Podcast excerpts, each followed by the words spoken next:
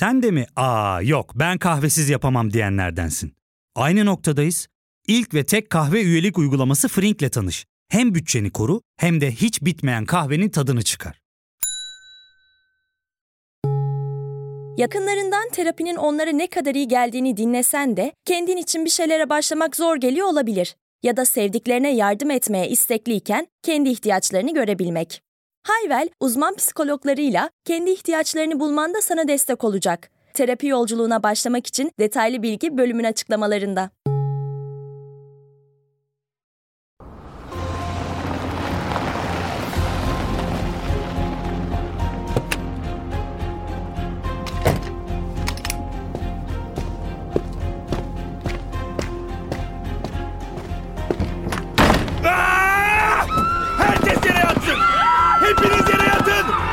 Bugün kimse buradan sağ çıkmayacak. Anladınız mı?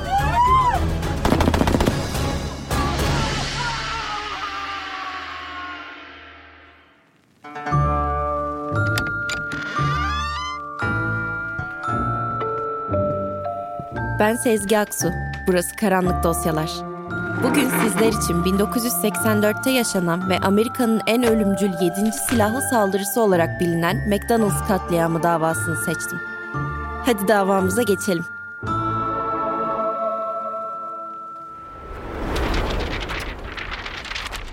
...18 Temmuz 1984. Huberty ailesi için sıradan, sıcak yaz günlerinden biriydi. Dışarı çıkıp temiz hava almak, beraber güzel vakit geçirmek istiyorlardı. Kahvaltılarını yaptılar ve ardından ailecek hayvanat bahçesine gitmek üzere evden ayrıldılar. Hayvanat bahçesine vardıklarında kızları hayvanları büyük bir heyecan ve merakla incelemeye başladı. Bu sırada James Huberty ve eşi Etna da sohbet ederek yürüyorlardı. Muhabbetin ortasında James aniden ciddileşti. Etna, ben iyi değilim. Ay evet çok sıcak ben de bayılmak üzereyim. Sanki hayatım sona erecek. Ben öyle hissediyorum. Ne diyorsun James abartma. Şurada gölgede duralım biraz istersen. Birkaç gün önce bu konudan ötürü bir ruh sağlığı kliniğini aramış ve onlara yardıma ihtiyacı olduğunu söylemişti. Onlar da James ile iletişime geçeceklerini belirtmiş ancak hiç aramamışlardı. James hissettiği hayal kırıklığını eşine şu sözlerle anlattı. Bak, bak ben onlara son bir şans verdim tamam mı? Son bir şansları vardı. Ama kaçırdılar. Kime son bir şans verdin James? Ya başlamışsın yine korku salmaya. Kafası karışan Etna büyük ihtimalle eşinin şaka yaptığını düşündü. Ve söyledikleri üzerinde çok kafa yormadı. Hayvanat bahçesini gezdikten sonra aile dönüş yoluna koyuldu. Etna biraz dinlenmek için yatak odasına geçti. Çocuklar da çizgi film izlemeye koyulmuşlardı. Etna yatakta uzanırken James odada belirdi ve kıyafetlerini değiştirmeye başladı. Üzerine kırmızı bir tişört ve yeşil kamuflaj pantolon giydi. Daha sonra Etna'ya doğru eğildi ve Etna. Sana veda öpücüğü vermek istiyorum. O nereden çıktı şimdi? dedi. Etna eşinin şefkatli veya romantik bir tip olmadığını biliyordu.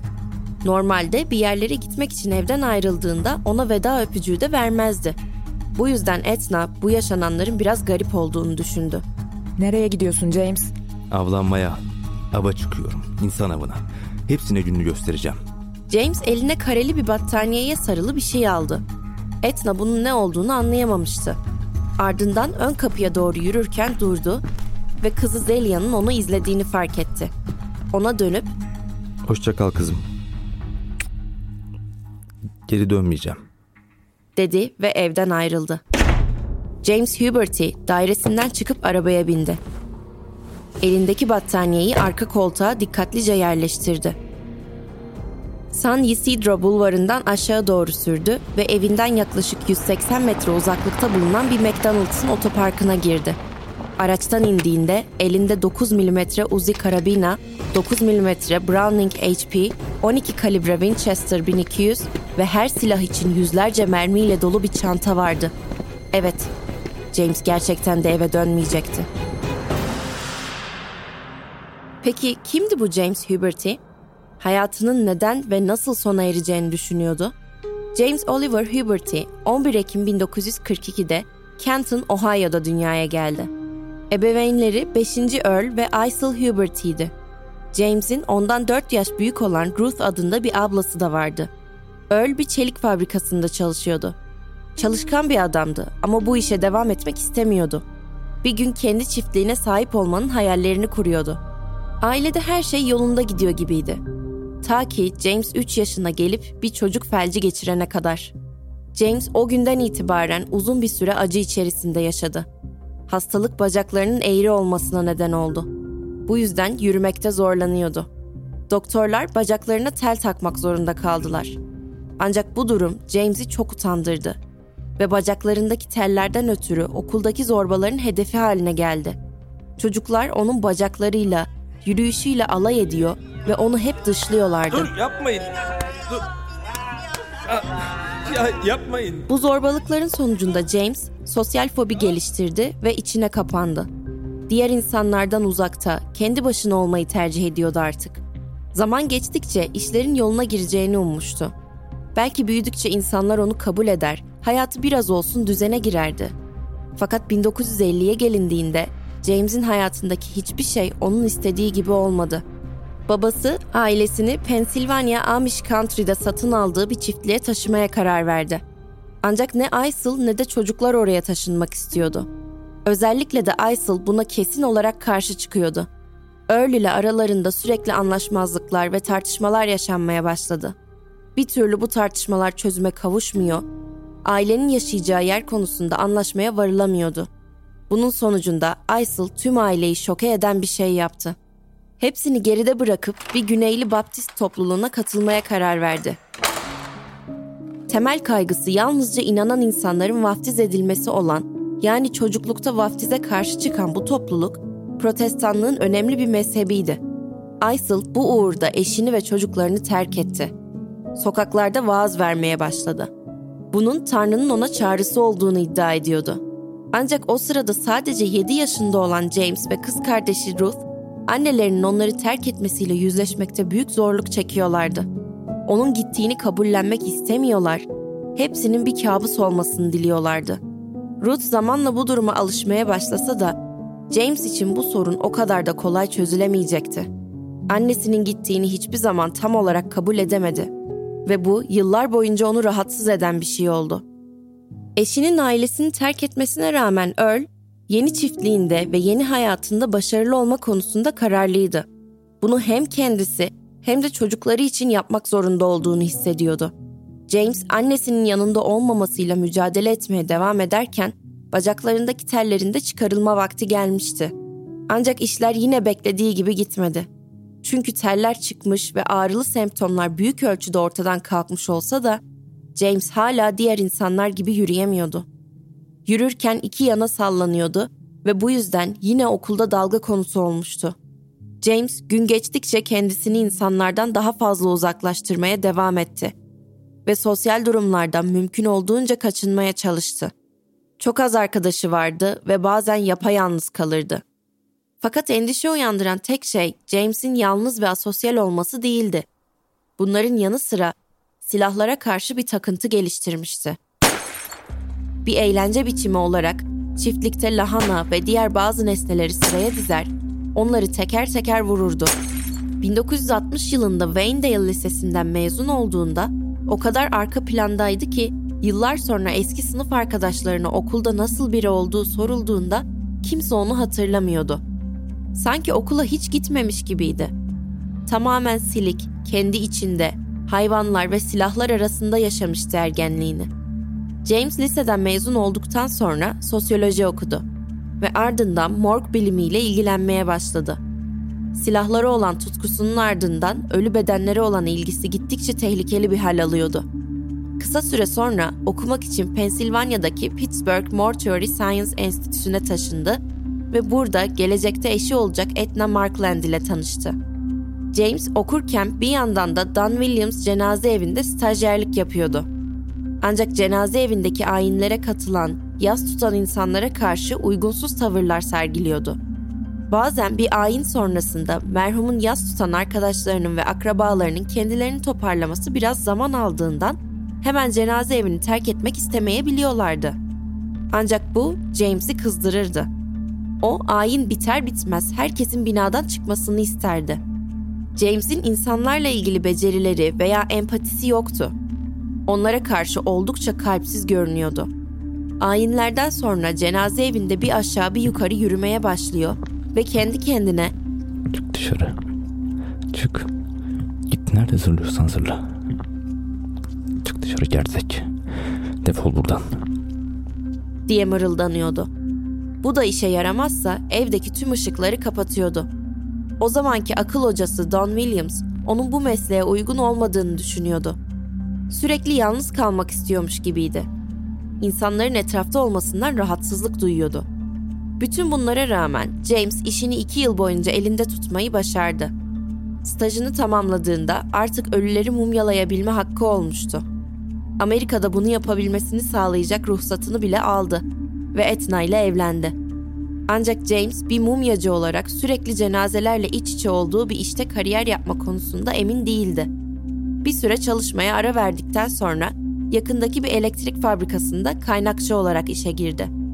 Don Williams daha sonra bu konu hakkında şunları söyledi. Ben ona yanlış işte olduğunu söylemiştim zaten. Evet iyi bir mumyacıydı ama hiç anlayışlı değildi.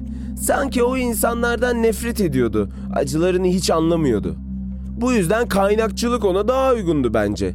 Maskesini indirip kimseyle muhatap olmadan işini yapacaktı ne güzel. 1971'de James ve Etna, Ohio Masillo'nun orta sınıf bir bölgesinde bulunan kırmızı tuğlalı büyük bir eve taşındı. Çiftin bir aile kurması da uzun sürmedi. 1972'de Zelia, 1974'te de Cassandra adlı kızları dünyaya geldi. Onlara dışarıdan bakan herkes mükemmel bir aile görüyordu. Ancak sizin de çoktan tahmin edeceğiniz üzere hiçbir şey göründüğü gibi değildi. Ah! Rahat bırakın beni. Her şey senin yüzünden. Bıktım bağırma bana. Al! Bağırma. Al çocuklarını da al git defol bu evden. Sen defol be. Sen defol. Manyak. Ruh hastası defol. James zaman zaman kontrolden çıkıp karısına saldırıyordu. Silah saplantısı daha da kötüleşti ve kısa sürede büyük bir koleksiyonu oldu. Eve gelen misafirler şok oluyorlardı. Çünkü James silahlarını duvarlara asmıştı.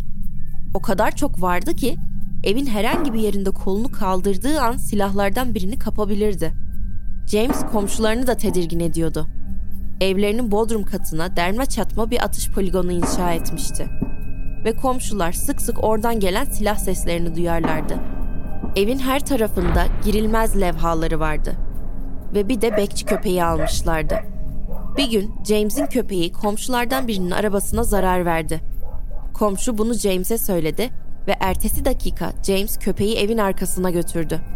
Orada onu vurarak öldürdü. Komşu buna çok şaşırmış ve üzülmüştü. James ne yapıyorsun? Neden böyle bir şey yaptın? Sadece aptal bir arabaya zarar verdi o kadar. Kimseye borçlu kalamam ben. Anlıyor musun? Kalırsam da böyle öderim işte. Mutlaka öderim. Bazen James komşular evlerine girerken verandadan onlara silah doğrultur ve gülerdi. Vururum ha. Manyak mıdır nedir? Onu ara sıra verandasında oturmuş, kucağında silahıyla boşluğu seyrederken görürlerdi. Etrafında kimse kendini rahat hissetmiyordu.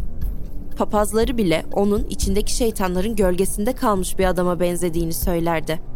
Eski iş arkadaşları da James hakkında benzer düşüncelere sahipti. James'in çileden çıktığı zamanlarda Etna onu oyalamanın bir yolunu bulmuştu. Onun tarot falına bakmayı teklif ederdi. Geleceğini tarot kartlarından okuyormuş gibi yaparak James'i sakinleştirmeye çalışırdı. Ona geleceğinde pek çok başarı gördüğünü ve çok para kazanacağını söylerdi. James ise iyice paranoyaklaşmıştı. Amerikan hükümetinin onu ele geçirmeye çalıştığına, Amerika'nın yakında savaşa gireceğine inandırmıştı kendini. Bu yüzden silahlara ve bozulmayan yiyeceklere binlerce dolar para harcıyordu. Peşimdeler. Etna, peşimdeler. Ama merak etme. Ben hepimizi koruyacağım. James. James tamam bir tanem sakin ol. Sakin ol bak bu kartı görüyor musun? Kupaların üçlüsü. Hayır. Bak sen, ben, kızımız. Hayır peşimdeler. Elimi tut lütfen. Her şey çok güzel olacak merak etme. Ben izin vermem. Ben ben bizi, yo- bizi yok etmelerine izin vermeyeceğim. 1982'de James, 13 yıllık kaynak işini kaybetti. Ve her şey daha da kötüye gitti. James eski bir iş arkadaşına Benim hayatımı bitirdiler. Benim hayatım bitti. Ben de hepsini yanımda götüreceğim. Göreceksin. Hepiniz göreceksiniz. demişti. Artık işini kaybettiği için James hükümet hakkında daha da fazla şüphe duymaya başladı. İşini kaybetmesinin arkasında onların olduğuna inanıyordu. Kafasında intihar etmesini söyleyen sesler duyuyor ve insanlara aslında Alman olduğunu söylüyordu. Kısa süre sonra başka bir fabrikada kaynakçı olarak çalışmaya başladı. Ancak aradan yalnızca birkaç ay geçmişti ki fabrika kapatıldı ve James işten çıkarılmış oldu. Fabrikanın kapatılması da tabii ki onun gözünde hükümetin bir planıydı. Bu sıralarda James hayatın yükünü kaldıramayacağını düşünmeye başladı. Para sorunları artmıştı ve faturalara bile yetişemiyordu artık. Huberty'ler çok sevdikleri evlerini sadece 69 bin dolara satmak zorunda kaldılar. Ardından da Meksika'daki Tijuana'ya taşındılar. James bu süreçte intihara teşebbüs etti. Aile Meksika'da sadece 3 ay kaldıktan sonra James artık orada kalmak istemediğine karar verdi. San Diego'nun San Isidro bölgesine taşındılar. Aile ilk önce Cottonwood apartmanlarında iki yatak odalı bir daire kiralamıştı. Ve James de güvenlik görevlisi olarak çalışmaya başladı. James bu işe girince aile başka bir daireye taşındı. Ancak garip davranışları da hala devam ediyordu. Bir gün bir polis memuruna kendisinin savaş suçlusu olduğunu söyledi. Kafasındaki sesleri susturamıyordu. Hepinizden nefret ediyorum. Hepinizden. Hepinizden nefret ediyorum. Hepinizi geberteceğim. Ben ölmek istiyorum. Yeni işinde sadece bir ay geçirdikten sonra tuhaf ve öngörülemeyen davranışları sebebiyle işten kovuldu. Tam da bu noktada James dibe vurduğunu hissetmişti. Temmuz 1984'te Etna'ya gerçekten psikolojik olarak kötü halde olduğunu ve profesyonel yardıma ihtiyaç duyduğunu söyledi. Bir ruh sağlığı kliniğinin numarasını bulması iki gününü alacaktı. Alo merhabalar. Ee, merhaba. Şey ben kendimi pek... İsminiz neydi? James Huberty. Nasıl yardımcı olabilirim size? Benim kafamın içinde sürekli sanki şey biri konuşuyor gibi. Kendinize zarar verdiniz mi? Ya, Hayır ama Etrafınıza zarar verdiniz mi? pek sayılmaz. Ama benim yardıma ihtiyacım var. Sizi 48 saat içinde aranmanız için listeye ekliyorum. İlk müsaitlikte sizinle temasa geçilecek Bay Jason. Jason değil. Teşekkür ederim iyi günler. Bu andan itibaren James sabırla telefonun başına oturup beklemeye başladı. Hatta aramayı kaçırırsa diye hareket etmekten bile korkuyordu. Fakat kimse aramadı. Saatler geçtikçe profesyonel yardım ve destek umudu yavaş yavaş sönüyordu. James muhtemelen kimsenin umrunda olmadığını düşünmüştü. Daha fazla zaman geçip de arama hala gelmeyince James aniden ayağa kalktı. Daireden çıktı ve motosikletine binip gitti. Nereye gittiğini kimseye söylememişti.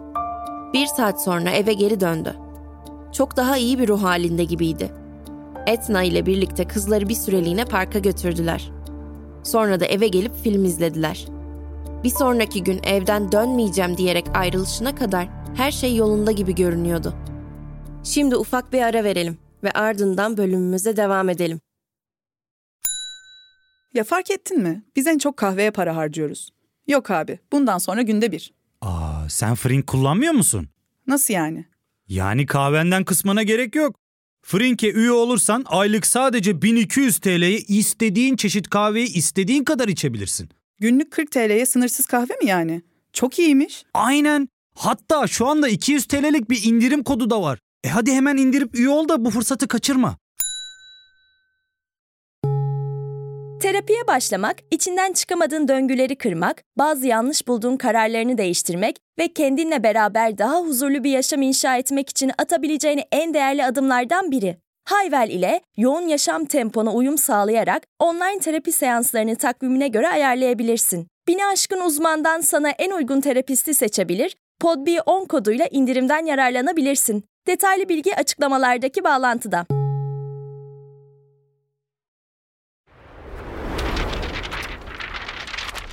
1984 Temmuz'unun o sıcak çarşamba günü saat 16'ya yaklaşırken James Huberty silahlarını ve mühimmatını alarak McDonald's restoranına girdi. Tüfeğini çalışanlardan biri olan 16 yaşındaki John Arnold'a doğrulttu. James düşünmeden tetiği çekti.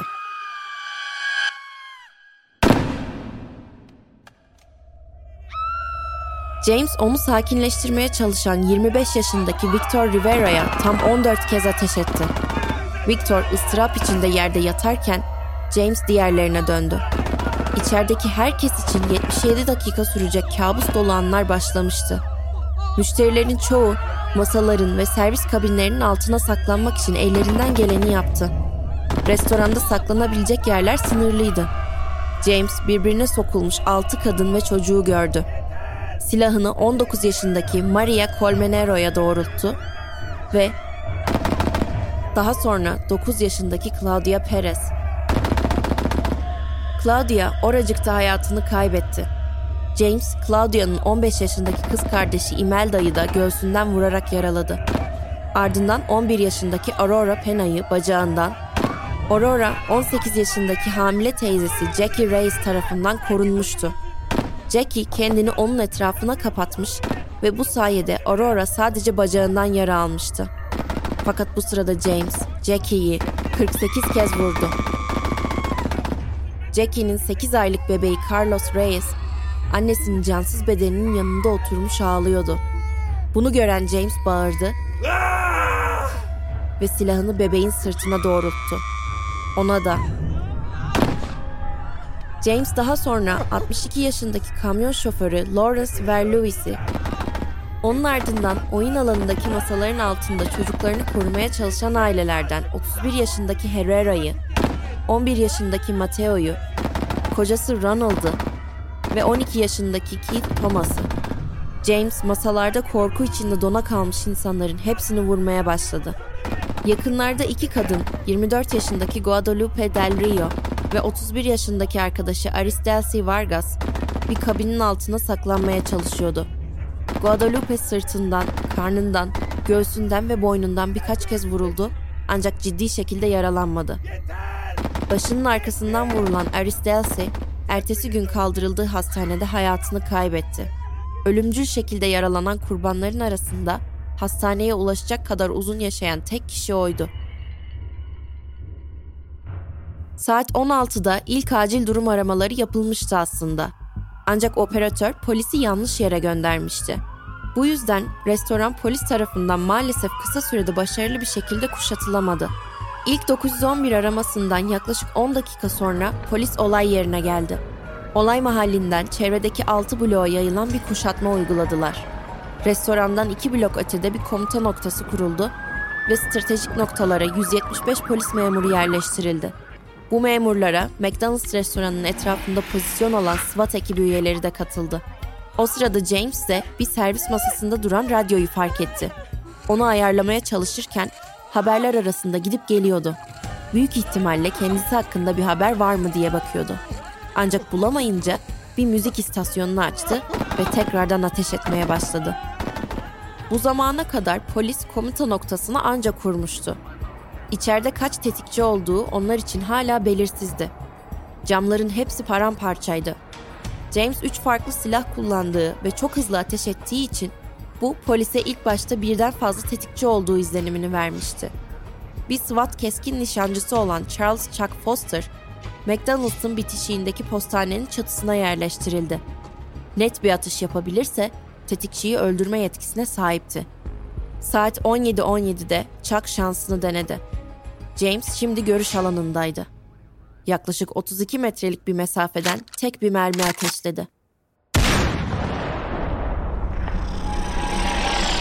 Kurşun James'in göğsüne girdi. Kalbinin hemen altındaki aortu kesti ve omurgasından çıktı. James servis tezgahının önüne sırt üstü yere düştü ve neredeyse anında öldü. Ben ben alacağımı aldım. Korkunç kabus 77 dakika sürmüştü.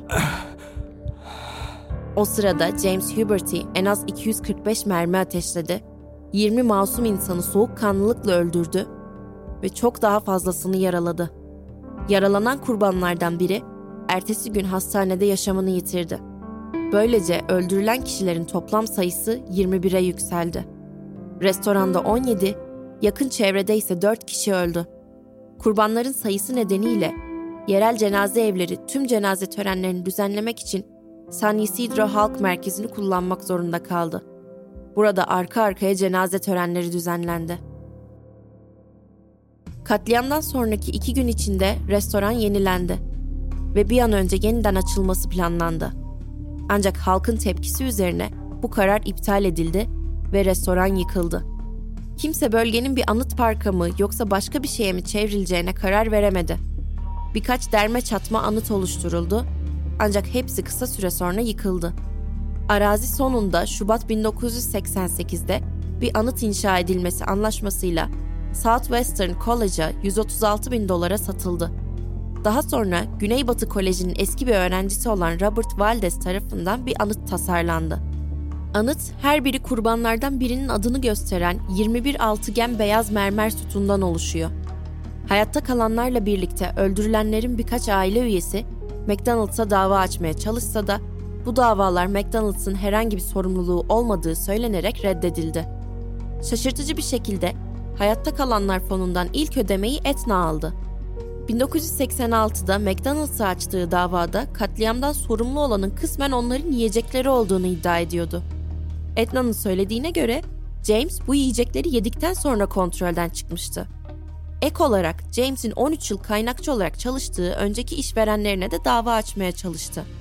İddiasına göre kocası onlar için çalışırken zehirli dumanlar solumuştu ve bu yüzden akli dengesini kaybetmişti. James Huberty'nin otopsisi vurulma anında vücudunda uyuşturucu veya alkol olmadığını ortaya çıkardı. Cesedi 23 Temmuz'da yakıldı ve külleri memleketi Ohio'da defnedildi. James katliam sırasında 41 yaşındaydı. Etna ve kızları başka bir şehre taşınarak isimlerini değiştirdiler. Etna 2003 yılında meme kanserinden öldü. Hayatta kalanlardan biri olan Alberto Leos daha sonra polis memuru oldu. Kurbanların, özellikle de çocukların başına gelenlerin ayrıntılarını anlatmak gerçekten üzücüydü. Akıl sağlığı kliniğindeki sekreterin ne kadar duyarsız olduğuna ise inanmak zor. Bu mesleği yapan birinin kısa bir telefon görüşmesiyle birinin ruh halini yargılayamayacağını bilmesi gerekirdi. Pek çok durumda birçok insan suç işlemeye başlamadan önce James gibi sakin davranmakta. Bunu başka davalarda da görebiliyoruz. Görünüşe göre James'in sorunları çocukken özellikle çocuk felcinden etkilendiği sıralarda başlamış ve oradan itibaren her şey yokuş aşağı gitmiş. Hayatta kalanlar fonundan ilk ödemeyi Etna'nın almış olması daha da şaşırtıcı. Sizi bilemem ama benim gözümde o bu davada hayatta kalan kurbanlardan biri olarak değerlendirilmemeli. James'i herkesten iyi o tanıyordu. Silahları, şiddet içeren davranışlarını, intihar girişimini ve diğer her şeyi biliyordu. Adam insan avına çıkacağını söylemişti ona resmen. Olaylar yaşandığında McDonald's'ta değildi zaten. Katliamdan sonra hayatta kalanlar fonundan parayı alması ve ardından McDonald's'la James'in önceki işverenini de dava etmeye çalışması bana bu durumdan elinden geldiğince çok para çıkarmaya çalıştığını söylüyor açıkçası. Çoğumuz defalarca McDonald's'a gittik ve bu yerlerin ne kadar kalabalık olabileceğini biliyoruz. Orada oturup arkadaşlarınızla sohbet ederek yemeğinizin tadını çıkarırken aniden bir silahlı adamın içeri daldığını düşünmek bile çok korkunç. O gün o zavallı insanlar başlarına gelecekleri asla tahmin edemezlerdi.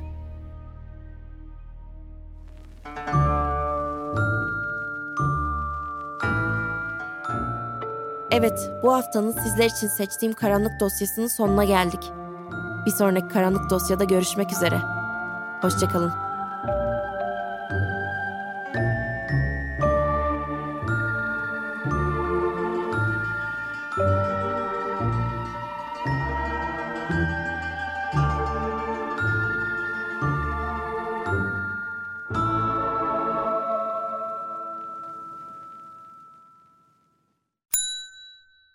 Ve tek kahve üyelik uygulaması Frink, 46 ildeki 500'den fazla noktada seni bekliyor.